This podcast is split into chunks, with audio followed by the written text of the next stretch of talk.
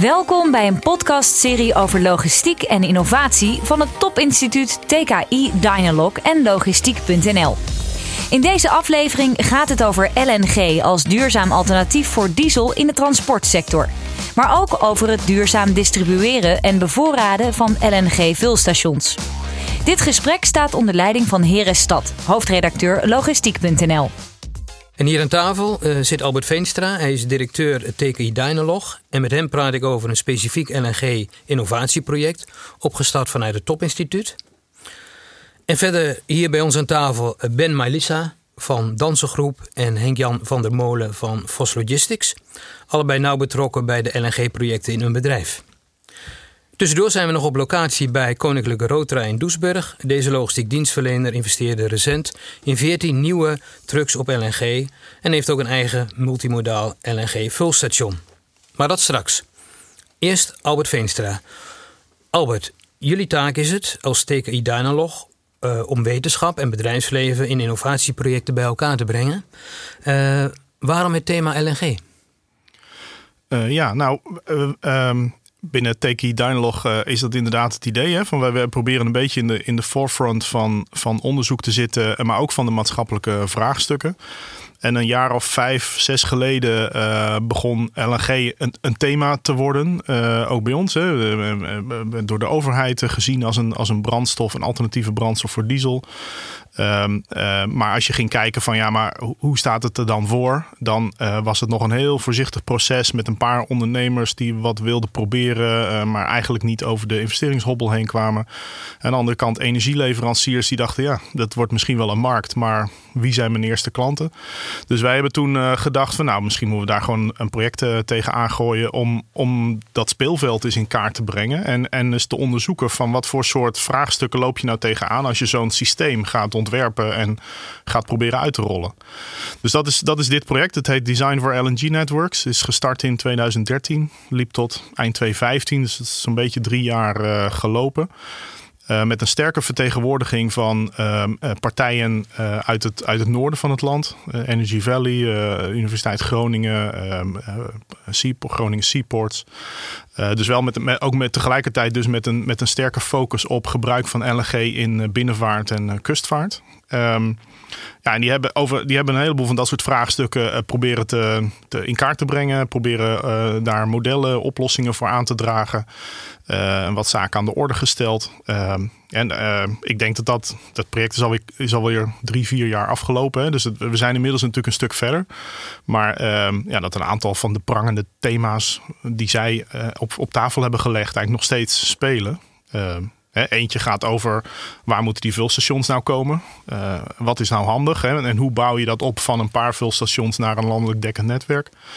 Nou ja, dat is, dat is een goede vraag. En, en het project, denk ik, wijst een beetje uit dat je moet beginnen bij waar de energiebron beschikbaar is. Dus, dus dan kom je toch snel in, in havens uit, hè, waar, waar het LG ook vanuit eh, andere landen wordt, wordt aangevoerd. Op, op dat soort plekken ligt het voor de hand om een vulstation te maken, omdat je dan in ieder geval de, de toevoer daar uh, goed geregeld hebt. Um, een ander thema gaat heel erg over prijs, prijsvorming. Eh, in, in zo'n beginnende eh, ontwikkeling zie je dat die prijzen alle kanten opschieten. En soms ook niet eens om echt een marktprijs zijn, maar gewoon een, ja, een prijs die, die op willekeurige momenten soms door een overheid of zo worden bepaald. Ja, daar kan je als ondernemers natuurlijk helemaal niks mee. Dus dat moet je eigenlijk ook wegnemen, die, die prikkel, om te zorgen dat mensen er echt in gaan vertrouwen en, en in gaan investeren. Welke waardevolle bevindingen heeft dit, dit onderzoek opgeleverd? Nou, dit, dit onderzoek heeft uh, vooral opgeleverd dat het, dat het zin heeft om met een logistieke blik naar de ontwikkeling van zo'n uh, systeem te kijken. En dus dat je locatiekeuze ook echt uh, een een onderwerp is waar je aan kunt rekenen, uh, waar je een, een, een, weloverwogen besluit over moet nemen op basis van de juiste informatie. Dat klinkt een beetje academisch, hè, maar goed, dat is nou eenmaal het soort projecten wat, wat we doen. Uh, en en, en uh, je moet ze mensen de kost geven die denken van nou, dit groeit organisch en we, en we zien wel hoe het gaat. Maar als je dat in, de, in deze fase ehm, ja, was er dan nog steeds helemaal niks geweest. Dus ik, ik, denk dat dat soort inzichten van, nou ja, denk nou goed na over locatiekeuze. Denk nou na over hoe groot de potentiële markt in, in die, rondom die locatie is. En wat je dan als, als LNG nodig hebt. En of je dat goed afgestemd kunt krijgen in, in de tijd en qua volume. Dat dat allemaal uh, hele verstandige inzichten zijn die, uh, die we ja, naar voren hebben gebracht in, in dit project. En welke vervolgstappen hebben jullie voor ogen? Ehm, ja, dat is een beetje een lastige. Dit, dit is een project wat, denk ik, Ehm, als je het mij vraagt, een beetje zijn tijd vooruit was. Hè. We, zijn nu een aantal jaren verder. En ik denk dat de discussie over LNG en hoe moet dat verder nu veel concreter op tafel ligt. Misschien nog wel steeds met dezelfde hobbels die we toen ook al wel, uh, wel zagen. Dus ik, uh, ik denk dat we nu de, de vervolgstappen zijn veel meer dat je over energietransitie nog wat holistischer moet bekijken dan we in dit project wilden doen. Hè, dus je moet niet alleen naar gas kijken, maar ook naar de andere energietransitiepaden. En voor ondernemers is, is de vraag veel meer van hoe moet ik uit al die verschillende mogelijkheden een keuze maken dan hoe moet ik nou van diesel overstappen op, op, op LNG. Ik denk dat, dat dat een belangrijke vervolgstap is die we eigenlijk op dit moment aan, aan het maken zijn. Dankjewel Albert. We praten zo verder. Uh, dan schuiven we ook Henkjan van de Molen van Vos Logistics en Ben Melissa van uh, Dansengroep aan. Maar eerst gaan we even naar Doesburg. Logistiek dienstverlener Rotra had al uh, acht trucks op LNG. Daar komen er nog veertien bij met als doel om de transportactiviteiten verder te verduurzamen. We horen directeur Magiel Roelofsen van Koninklijke Rotra. Binnen Roodga zoeken we naar uh, een zo duurzaam mogelijke manier van transporteren. We weten dat het, dat het nog niet volledig duurzaam kan. Maar we proberen wel te gaan van, van diesel naar LNG. Meer duurzaam, minder emissie. En in de toekomst zullen we eigenlijk naar emissieloos. Maar goed, dat is, een, dat is een toekomstperspectief. Dat is het punt waar we naartoe werken, maar waar we nu nog niet staan. We hebben geïnvesteerd in 14 nieuwe trucks. Daarmee komen we op 22 LNG-trucks. Dat past heel goed bij de groene strategie die we hebben binnen Roodra. We zetten de LNG-trucks eigenlijk algemeen in. we rijden ermee door de Benelux. We tanken hier s morgens, rijden door het land en dan s'avonds komen de trucks hier weer terug. En voorzien we ze weer opnieuw van, van LNG. de truck is, is, heeft prima rij-eigenschappen. De chauffeurs zijn er ook tevreden mee. Eigenlijk vinden ze het wel heel heel leuk om met zo'n innovatieve truck te rijden. Dus over het algemeen zijn ze heel erg positief. We hebben over het algemeen zeer nieuwe trucks. Dus bijna alle voertuigen zijn Euro 6. En naast de dieselvoertuigen hebben we dan nu de LNG-voertuigen. En dat is de eerste stap naar volledig CO2-neutraal. Ja, een mooie stap ernaartoe is bio-LNG. uiteindelijk kan het worden geproduceerd met restproducten. En dat past helemaal in de groene visie van ons bedrijf. Ja, dat is fantastisch.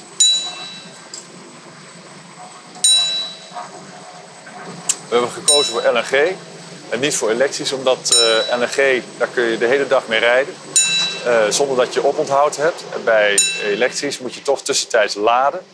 En ja, dat, dat stukje tijdverlies, dat willen we niet in het proces hebben opdrachtgevers waarderen dat je innovatief bezig bent. Kijk, enerzijds heb je een aantal traditionele klanten die, die zullen zeggen: Ja, ik vind het mooi dat je het doet, maar ik heb er niks voor over.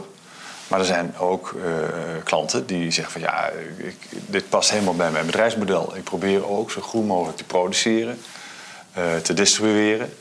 En uh, ja, dat, dat, dat is uiteindelijk waar je een toegevoegde waarde kan leveren in, in hun proces. Hmm. Vandaar ook dat we, uh, dat we een, een, een, een eh, LNG-station hebben gebouwd waar we, waarbij we zowel met trucks als ook met um, binnenvaartschepen kunnen bunkeren. Um, ja, en, en, en wij verwachten wel dat dat voor de middellange termijn echt de manier is om goederen te vervoeren wat we wel allemaal zien en lezen natuurlijk is dat, dat, er, dat, er, uh, dat iedereen aanstuurt op een energie, energietransitie, schone vervoer. Um, maar he, de, de, de, de technologie is nog zo in beweging dat dat nog heel moeilijk te voorspellen is. Uh, wat ik als ondernemer verwacht van de overheid is dat ze consistent beleid hebben als het gaat om LNG. Uh, er zit nu minder uh, accijnzen op LNG, omdat het een groenere brandstof is. En wij vinden eigenlijk als, als, als dat de overheid dat zou moeten continueren. We hebben net 14 nieuwe trucks aangeschaft. wat de toekomst brengt, dat kan ik nu nog niet voorspellen. Maar we proberen in ieder geval iedere keer naar groene transport te gaan binnen Roodka. Dat is ons doel. U luistert naar een podcast van TKI Dynalog en Logistiek.nl over LNG in de transportsector. Met hier aan tafel Albert Veenstra van TKI Dynalog. En ondertussen zijn aangeschoven Ben Melissa van Dansengroep en Henk-Jan van der Molen van Vos Logistics. Uh, mag ik met jou beginnen, Henk-Jan? Uh, we hebben net het verhaal van, uh, van Rotra gehoord. Hoe lang zijn jullie bezig met LNG? En wat heeft Vos Logistics, Logistics inmiddels gedaan op LNG-gebied? Nou, wij zijn ruim tien jaar al bezig met LNG. Eigenlijk in dezelfde tijd waarin Dynalog met het onderzoek begon. We rijden inmiddels met 50 LNG-trucks voor de grote in Nederland en ook internationaal. Um, dat heeft ons wel wat gebracht. Het heeft ons in ieder geval een hoop ervaring gebracht hoe wij kunnen plannen in een netwerk met toch een hoop extra beperkingen. Als je het vergelijkt met een dieseltruck, dan kun je overal naartoe en je hebt nergens rekening mee te houden. En een LNG-truck moet heel specifiek ingepland worden. Dus we hebben de techniek leren kennen weten wat het voor ons kan doen. We hebben samen met leveranciers hebben ook de configuraties kunnen bouwen zoals wij die nodig hebben, zeker in het internationaal verkeer. En we hebben geleerd hoe we ze efficiënt kunnen inplannen. Nou, dat alles bij elkaar heeft het ons ook geleerd, dat is eigenlijk de, de, de ervaring van de afgelopen jaren, hoe wij min of meer in de buurt kunnen komen van de kostprijs die we ook op diesel hebben. Dat we het dus ook kunnen uitrollen zonder dat we daar grote subsidies voor nodig hebben, maar ook zonder dat we daar specifieke support van klanten bij nodig hebben. In de eerste jaren, eh, de eerste projecten die wij deden, was in eerste instantie samen met een uh, truckproducent, Mercedes, zocht een, in feite een, een launching transportbedrijf om LNG te gaan testen. Eigenlijk doorbreken van de kip en het ei. Uh, als niemand het gaat proberen, komt er geen infrastructuur, komt er geen ervaring. Nou, we hebben dat samen met Mercedes opge, Vrij snel daarna hebben we ook klanten gevonden die zeker in de beginjaren heel specifiek kozen voor LNG. Ik heb het nu over de tijd van, van een kleine tien jaar geleden. Zeker in die tijd was de milieu-business case was, was heel evident. Uh, LNG is beter dan diesel. Dus alles wat je om kan zetten, daar hoef je ook verder niet al te veel aan te rekenen, is goed. Waar het dan uiteindelijk om ging met de klanten die daarvoor kozen. Enkele, het merendeel vindt toch prijs helaas belangrijker. Maar de klanten die daar specifiek voor kozen, waren ook bereid om daar in enige mate een bewuste keuze en ook een, een, een bewuste kostprijs voor te accepteren, die dan ietsje hoger lag dan wat wij met diesel konden aanbieden. Ik ga even naar je buurman, eh, Ben Malissa. Uh, Danser is een heel ander bedrijf dan Vos Logistics en Rotra. Wat doen jullie precies en wanneer is LNG bij Danser onderdeel geworden van, van de bedrijfsvisie? Dansengroep uh, transporteert uh, containers over uh, binnenwater. Om een idee te geven, we doen op jaarbasis zo'n 1,4 miljoen teu. Dat doen we met eigen schepen en heel veel ingehuurde, gecharterde schepen, zo'n 70 stuks. We regelen ook voor- en natransporten. En ehm, sinds enkele jaren doen we ook ehm, treindiensten aanbieden van en naar het achterland. LNG is uh, in 2012 uh, eh, onderdeel geworden van onze bedrijfsvisie. Dat was op het moment dat wij eh, stonden voor een hermotorisering van een van de schepen. In ons geval is het zo dat ehm, het besef we kregen het besef, ondanks dat binnenvaart een, toch een schone uh, transportmodaliteit is, dat er mogelijkheden waren om nog verder te vergroenen. Tevens was onze verwachting dat klanten dat in de toekomst wel eens eh, van ons zouden verwachten of misschien wel uh, eisen. En uh, ander ding wat belangrijk is, dat zo'n scheepsmotor, die gaat in ons geval dan ongeveer 10 à 12 jaar mee. Dus je moest toch een heel eind vooruitdenken. terugkijkend, Henk-Jan, ehm, in hoeverre zijn nou, is, is bereikt wat jullie destijds voor ogen hadden? Nou, wat wij destijds voor, ogen hadden. Ik denk dat we dat ook echt gerealiseerd hebben. Uh, het heeft ons wel op een, op een, op een plaats gebracht inmiddels. Dat, dat wij op dit moment aarzelen hoe verder te gaan. Er is inmiddels een infrastructuur. We weten hoe we het goed kunnen inzetten. Uh, de vraag is alleen op dit moment in hoeverre draagt een LNG-truck ten opzichte van een dieseltruck, in hoeverre draagt het bij aan een reductie van met name CO2-uitstoot. De moderne trucks met, met, met het verbruik dat moderne trucks op dit moment hebben, zijn nou, uh, niet heel veel beter of slechter dan een LNG-truck. Dus als dit nu wat we gedaan hebben, als dat resulteert in het hebben, uh, beschikbaar hebben van een infrastructuur, die we later kunnen gaan gebruiken voor de inzet van bio-LNG, dan is het een scenario waar we als maatschappij, maar ook als Logistics, heel nadrukkelijk aan verder moeten ontwikkelen. Als daarentegen de bio-LNG beschikbaarheid uh, of de beschikbaarheid voor de transport, transportsector, als die beperkt is, ja, dan, dan is eigenlijk, dan hebben we wel bereikt wat we wilden bereiken. En dan toch zijn we op een punt gekomen dat het, dat het wel een doodlopende straat aan het worden is. Geldt dat voor jullie ook, Ben? Nee, ik denk dat het bij ons iets, uh, iets anders uh, is. bij ons was als je vraagt naar het resultaat, eh, we wilden die investering in ieder geval in een 7, 8 jaar eh, terugverdienen. Alleen toen wij in 2014 met het ombouwschip uh, op LNG in de vaart terug in de vaart kwamen, toen waren, of op dat moment kelderden olieprijzen enorm. En dat ja, gaf uiteindelijk uh, als resultaat dat we uh, wisten dat we die uh, investering in ieder geval niet terug gingen verdienen. Daarnaast is het zo dat wij ook bij de overheid, en daar komen we misschien straks nog wel even verder op, dat we ook enige aarzeling naar een beginnend enthousiasme zagen over LNG, over het gebruik van LNG. veel elektrisch werd er ineens gesproken. inmiddels is het overigens zo dat de olieprijs weer uh, dusdanige hoogtes uh, aanneemt dat het uh, in ieder geval qua investering weer aantrekkelijk is gaan worden. Laatste punt wat ik nog even wil noemen is dat er inmiddels ehm, vanuit uh, Brussel uh, regels zijn opgelegd. beginnend in 2019 voor kleinere motoren. En een jaar later voor, zoals voor ons, grotere motoren. dat er ja, regelgeving is, is, is vastgelegd die ehm, ertoe leidt dat we, zouden wij met dit schip... Dan in de vaart gaan, dan zouden we niet kunnen voldoen aan de, aan de eisen dan sluit ik me aan bij, uh, bij Henk Jan. Dan uh, zou dat nog, uh, die gap zou nog te slechter zijn door bio-LNG in te gaan zetten. Althans, dat is onze verwachting. wij hebben een tijdje geleden een initiatief genomen om met een aantal ondernemers in het wegvervoer een discussie te voeren over, over energietransitie en wat doet, doet het voor je bedrijf. Daar hebben wij inderdaad plaatjes op tafel gehad van TNO uh, over wat doen de verschillende brandstofopties nou in termen van uitstoot. Nou, dan zie je bij LNG uh, zonder meer dat dat concurrerend is met, met diesel. Hè. Of het net beter of net iets slechter is, hangt een beetje vanaf. Maar de echte milieu-impact zit hem erin dat je naar bio-LNG moet. Um, nou, dat is, een, dat is een grote vraag. Bio-LNG is er niet uh, op het moment. Um, dus, uh, dus daar zit wel een, een, grote uitdaging, denk ik, in dit hele LNG-dossier. Dat, um, dat we, oké, we weten nu zo'n beetje hoe het werkt. We, we, hebben er ervaringen mee, soms positief, soms negatief.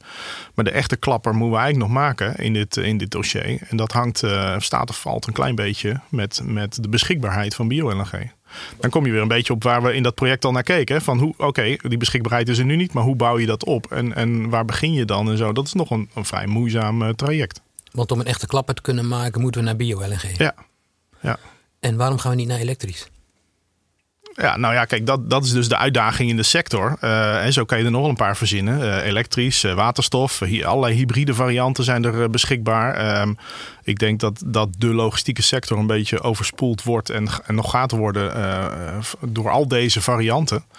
En dat het heel lastig is om in al die varianten een, een duidelijke keuze te maken. Heb, heb jij dat gevoel dat je wordt overspoeld door allerlei varianten, Henk-Jan?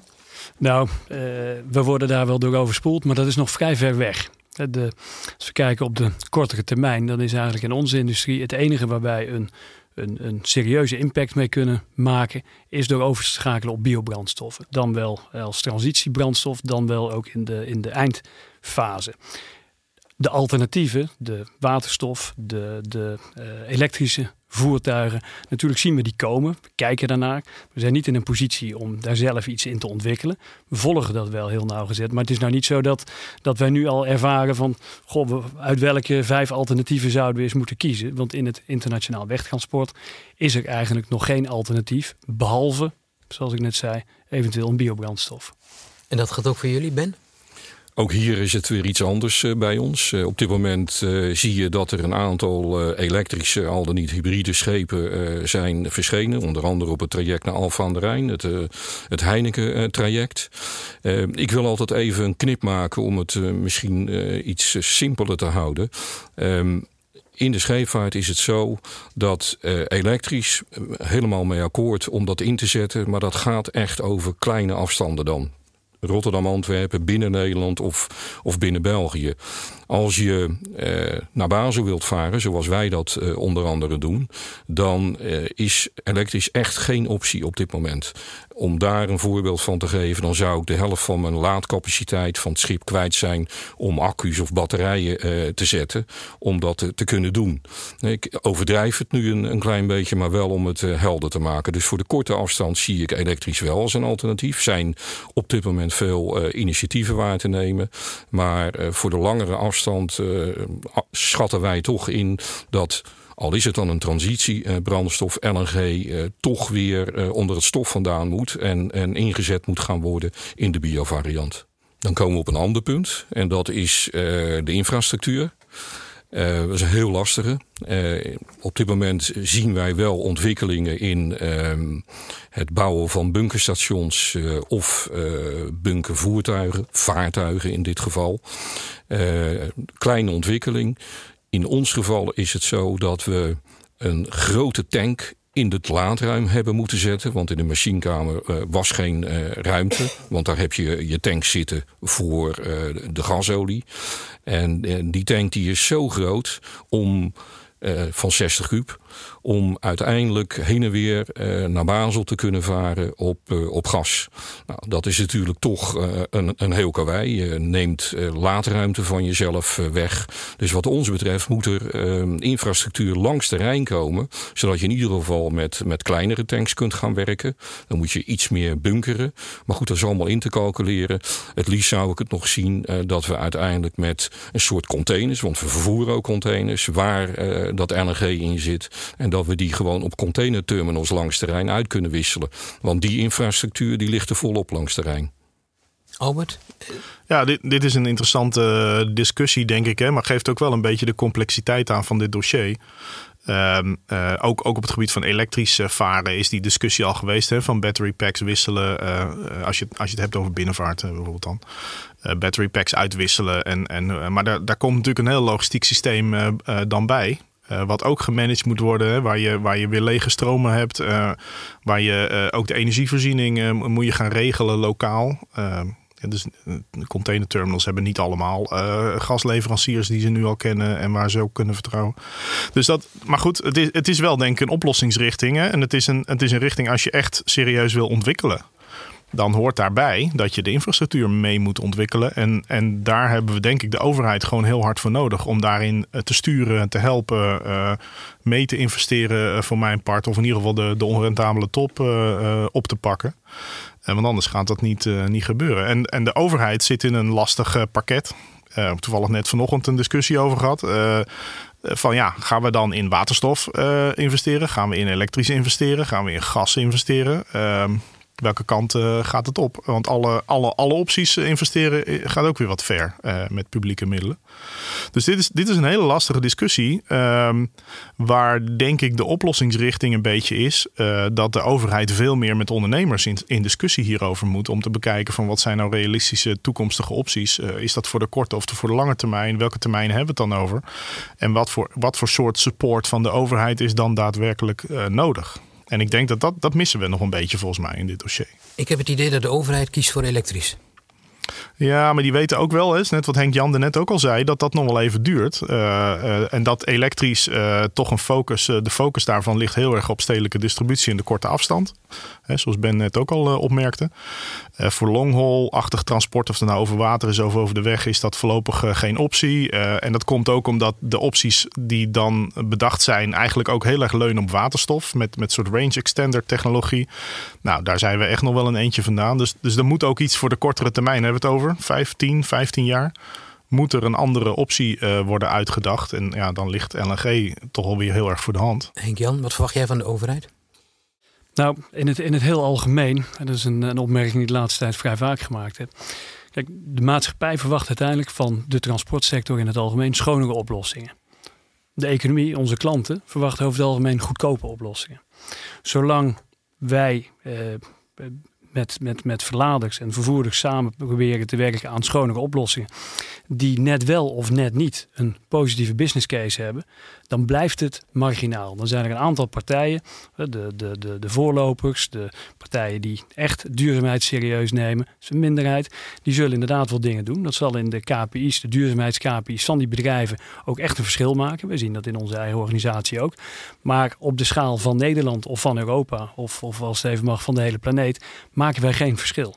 Uiteindelijk moet er een speelveld gecreëerd worden waarin schonere oplossingen ook goedkoper worden. Maar wij komen niet verder dan dit. Zolang de concurrentie van meer vervuilende oplossingen eigenlijk ja, eh, heel erg hard is, dat er geen economisch voordeel is, dan blijft het, met alle goede bedoelingen ten spijt, blijft het marginaal. Dus middels beprijzing van meer vervuilende oplossingen en of het subsidiëren van minder vervuilende oplossingen. dat is de enige manier hoe dit op grote schaal de goede richting opgeduwd kan worden.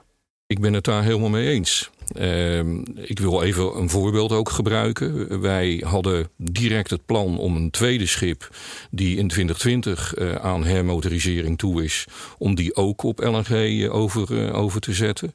Maar ehm, het in, de wegkalvende interesse van ehm, de overheid enkele jaren geleden, nu inmiddels weer een klein beetje terug, ja, die maakte ons natuurlijk niet gelukkig. En daarnaast was het zo, wat wij een klein beetje hoopten, is met onze uh, voorlopersrol dat anderen uh, het voorbeeld zouden volgen, ondersteund door uh, overheid. En dat we ook zeg maar motoren en applicaties zouden krijgen die meer gestandaardiseerd zouden zijn, die je als het ware van de plank kon, kon nemen, waardoor die investering ook een stuk lager zou zijn, waardoor er ook minder ondersteuning in financiële zin van de overheid uh, nodig zou zijn. En dat is dus gewoon niet gebeurd. Want als we naar ons kijken, dan zijn wij de enige containerrederij die op dit moment nog op LNG uh, vaart. En dat is natuurlijk triest, want we zijn uh, in 2014 terug in de vaart gekomen. En dat is dus gewoon ruim vier jaar geleden. En dat, dat is natuurlijk heel, heel, heel jammer. En wat ik heel graag zou zien van de overheid is ook duidelijkheid. En ik sluit er bij Albert aan blijf praten met die ondernemers. Er is in het begin heel veel met ons gepraat. We hebben onze mening daar ook over gezegd. Want ze krijgen gewoon ook een inkijk. Want wij willen ook dat dit vooruit gaat over wat kost het ons nou? Hoe gaat die markt nou reageren? Wat verwachten we daarvan? En plots is het, is het weg en is het ineens elektrisch. Maar het is niet het een of het ander. Het is een combinatie van mogelijkheden die al dan niet voorhanden zijn. Die ons uiteindelijk uh, vooruit moeten kunnen helpen. Wat je mist is zeg maar een, een goed plan, stapsgewijs, van, van, van nu naar, uh, naar uh, helemaal energie-neutraal. en dan met tussenstappen LNG naar elektrisch toe. Dat klopt, maar tegelijkertijd uh, realiseer ik me ook, uh, ik kan niet zeggen, overheid, doe dat eens even. Daar, het, is, is heel complex, Albert heeft het al even uitgelegd. Uh, dus we moeten dat ook gezamenlijk doen. Dus moeten we ook vooral gezamenlijk in, in gesprek gaan. Misschien nog wel aardig, we hadden het net over, over bio-LNG, biodiesel. Hè? Die, die hele biodiscussie um, wordt een enorm heet hangijzer. Hè? Um, een grote strijd uh, is aan het ontstaan om de beschikbare biomassa. En misschien komt er nog wel wat biomassa bij, maar um, die biomassa weten we nu al zal niet voldoende zijn om, uh, om daar alle claims op biobrandstof uh, van te gaan bevredigen. Dus uh, en, en dan heb je nog kansen. Dat, dat is een beetje wat uh, in, in analogie van wat Henk Jan net zei. Uh, je hebt dikke kans dat de logistiek dan uiteindelijk aan het, aan het kortste eind gaat trekken. Omdat de grote industriële partijen en de, de stedelijke distributie en zo die allemaal, allemaal voorgaan. Als het gaat om beschikbaarheid en gebruik van, van die biobrandstoffen. Dus dat is, een, dat is een, een, een, een, lastige discussie. En ik denk dat dat ook onderdeel van, van zo'n soort plan of dialoog overheid-bedrijfsleven zou moeten zijn. Van ja, hoe, hoe gaan we dat doen? En hoe ga je daar elkaar op bepaalde dingen. Uh, en dan, dan denk ik dat er best interessante partijen zijn, ook in de binnenvaart en in het wegvervoer, hè, die denken: wacht eens even, uh, hier om de hoek zit iemand die ik goed ken, uh, die mij een hele bak biomassa zou kunnen geven, op basis waarvan ik met een vergister aan de, aan de gang kan. Ik denk dat we een aantal van dat soort plannetjes is de revue moeten laten passeren om, om toch te gaan re realiseren dat er biobrandstof beschikbaar komt voor de logistieke sector, voor, voor een aantal toepassingen in de logistieke sector. Anders kom je ook gewoon echt niet verder. Hè. Als, als daar geen zicht op is, als je zegt, nou, dat wordt hem niet. Dan kunnen we ook beter, denk ik, ophouden met het hele gasdossier. Uh, want, want dan ga je die, die milieu-impact uh, nooit realiseren. We sluiten af met nog een laatste opmerking, een tip wellicht. Henk Jan, mag ik met jou beginnen? Ja, een beetje in lijn van wat ik, eh, wat ik net al zei. Deze week ook nog in, het, in de actualiteit. Uh, de, de maatregelen die wij moeten nemen om, om uh, te grote opwarming van de aarde te voorkomen, die maatregelen worden steeds drastischer. De gevolgen, als we, het, als we, als we daar niet in slagen, worden steeds dramatischer. Dus de tijd dringt wel. Wij kunnen daar als bedrijfsleven een rol in spelen. Wat ik net ook al aangaf, die is uiteindelijk heel beperkt. Als wij met een kleine groep bedrijven iets doen, dan is dat leuk voor ons. Maar op het totaal maakt dat weinig, weinig impact. Wij moeten zorgen dat er business cases, bedrijfsmodellen uh, komen waarin schonere oplossingen vanzelf uitgerold gaan worden door het bedrijfsleven, omdat het wat oplevert. Uiteindelijk is, is, is dat het enige dat de trigger kan zijn om het op grote schaal voor elkaar te krijgen. Ben? Ja, duidelijkheid is een woord wat, wat uh, de hele tijd al in mijn hoofd zit. Uh, ik, ik merk bij, bij collega's dat door de onduidelijkheid die er heerst, men steeds maar in die afwachtende houding zit. Dus um, er zal duidelijkheid moeten komen in, in, in alle uh, opzichten. En dan denk ik dat er uh, altijd een soort coalition of the willing uh, is die uiteindelijk die, die stappen toch gaat zetten, waardoor de rest gaat volgen. Ik noemde er net in, in de introductie al even, wij hebben ongeveer 70 schepen in charter. Nou, ik weet van een aantal van die schepen dat ze heel graag zouden willen vergroenen. Maar het is natuurlijk een enorme kostenpost ze tegenop kijken.